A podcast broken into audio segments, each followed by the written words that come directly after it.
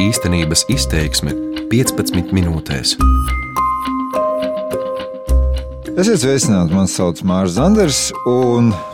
Pieņemsim, ka saistībā ar to, ka premjerministrs ir uzdevis kultūras ministram tikt skaidrībā, kā valsts var palīdzēt mediju telpu stiprināšanā, uzņemšu šo pienākumu mazliet izteikt arī kādas savas pārdomas, lai cik tās būtu subjektīvas un tēma tāda diezgan kutelīga.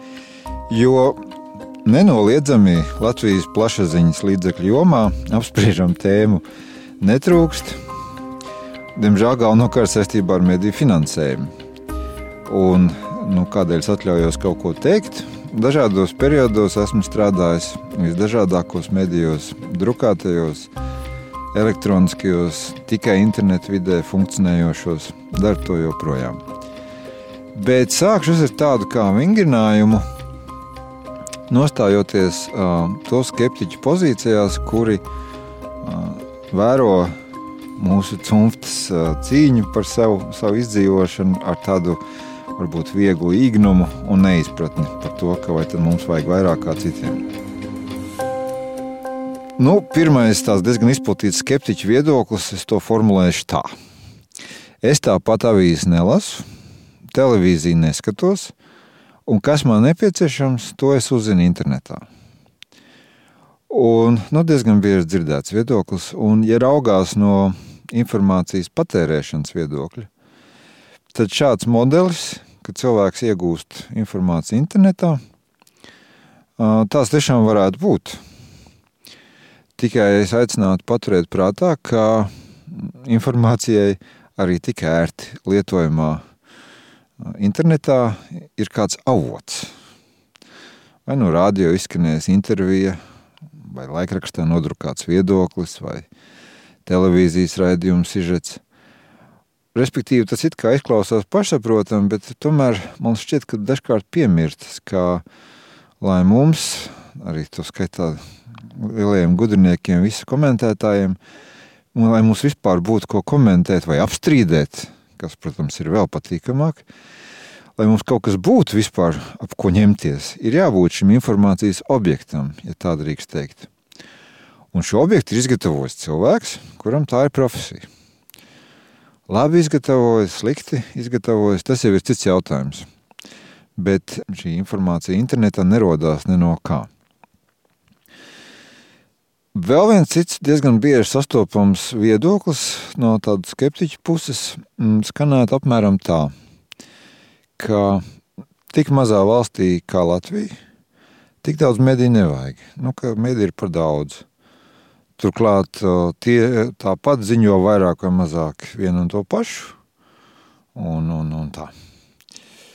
Labi. Bet tikai, manuprāt, šajā tādā tēzē ir mazliet kopā sajaukt dažādas problēmas. Jo var piekrist skeptiskām piezīmēm par uh, satura vienveidīgumu Latvijas medijos, tomēr tas lielā mērā izriet no mediju pieticīgajām finansiālajām iespējām.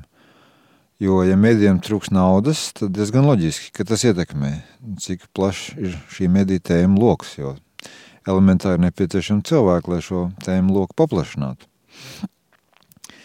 Savukārt, ja runa ir par to, ka tik mazā valstī tik daudz mediju nemaz nevajag, tad tam no tādas augstas loģikas viedokļa pat varētu piekrist. Tomēr man arī jāsaka šo alternatīvu šīs dažādības vai daudzveidības pastāvēšana faktiski ir zināma cena, kas ir jāmaksā par nodrošināšanos pret gadījumiem, kad viens medijs vai mediju koncerns nonāk viena īpašnieka vai interešu grupas kontrolē. Respektīvi, visnotaļ raiba mediju ekosistēma pastāv arī citās no teritorijas vai iedzīvotāju skaita viedokļa nelielās valstīs. Tātad mēs šeit ziņā neesam vienīgie, tad kaut kāda loģika te ir. Un līdz ar to šī tēma par to, vai mediji ir par daudz un mums nemaz tik daudz nevajag mazajā Latvijā, tad man tas rezumējums šim, šim skeptiķu viedoklim ir tāds, ka rupi sakot, kamēr ar izteikšanās brīvību valstī viss ir puslīdz kārtībā, tikmēr jā, mediji liekas par daudz. šo it kā nevajadzīgo skaitu mēs sākam novērtēt tad, kad kaut kādu iemeslu dēļ informācija telpā sāk piegriezt skābekli. Tādējā izrādās, ka nav gan pa daudz. Trešais tāds diezgan izplatīts skeptiķu viedoklis skan apmēram tā, ka nu, mēdī ziņo tikai par slikto, visu tikai kritizē, nu, variants, dzens tikai pēc sensācijām un tā. Uz šo pārmetumu paši žurnālisti tradicionāli atbild divos veidos – tādā visdrošākajā tonī saka, ka nu, tāds esot viņu darbs un pilsoniskais pienākums - būt vienmēr kritiskiem pret varu. Nu, jau tā pieklusinātāk un kautrīgāk tā atbildes skan tā, ka nu, publika šādu pozīciju pieprasa. Ja nekritizēs, tad teiks, ka tu esi pārdevies vai ka pārāk mīksts esi kļūs. Bet man gan jāsaka pašam saprotamāk ir trešā atbilde, kas skan apmēram tā, ka ja kāds saka, ka mediji ir dzīves nostājas, viss ir slikti, dedzīgi piekritēji, tad šis kāds vienkārši ir atvainojiet paslinkojis paskatīties, ko mediji piedāvā. Jo, piemēram, nu, teikt, Latvijas radio piedāvā programmas par kultūru, par zinātnu un tā tālāk, Un, ja kādu viņu vienkārši šīs tēmas neinteresē, tad nav jāsaka, ka tādas netiek apskatīts, un ka viss ir tikai politika un viss ir slikti. Vienkārši, kā teikt, varbūt vajag paskatīties, kas tiek piedāvāts. Nu, tik tā tātad šādi bieži, biežāk dzirdētie pārmetumi, nu, kas savukārt, kur tas zemteks ir tāds, ko jūs vēl gribat, ko jūs žēlojaties, naudas ir citām vajadzībām pietrūks vēl vairāk nekā medijiem.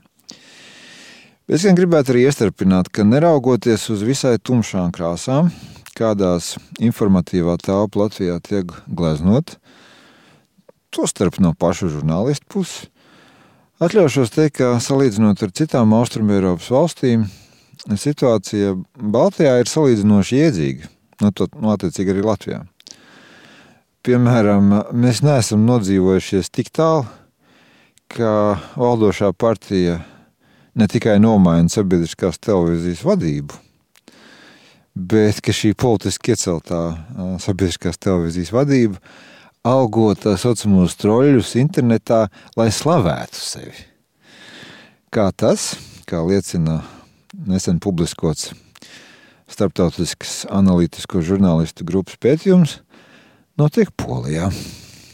Jā, Polijā līmenis, kādā vietējā politiskā un biznesa elite kontrolē medijas, Bulgārijā, Čehijā un Ungārijā nav salīdzināma ar Latvijas situāciju.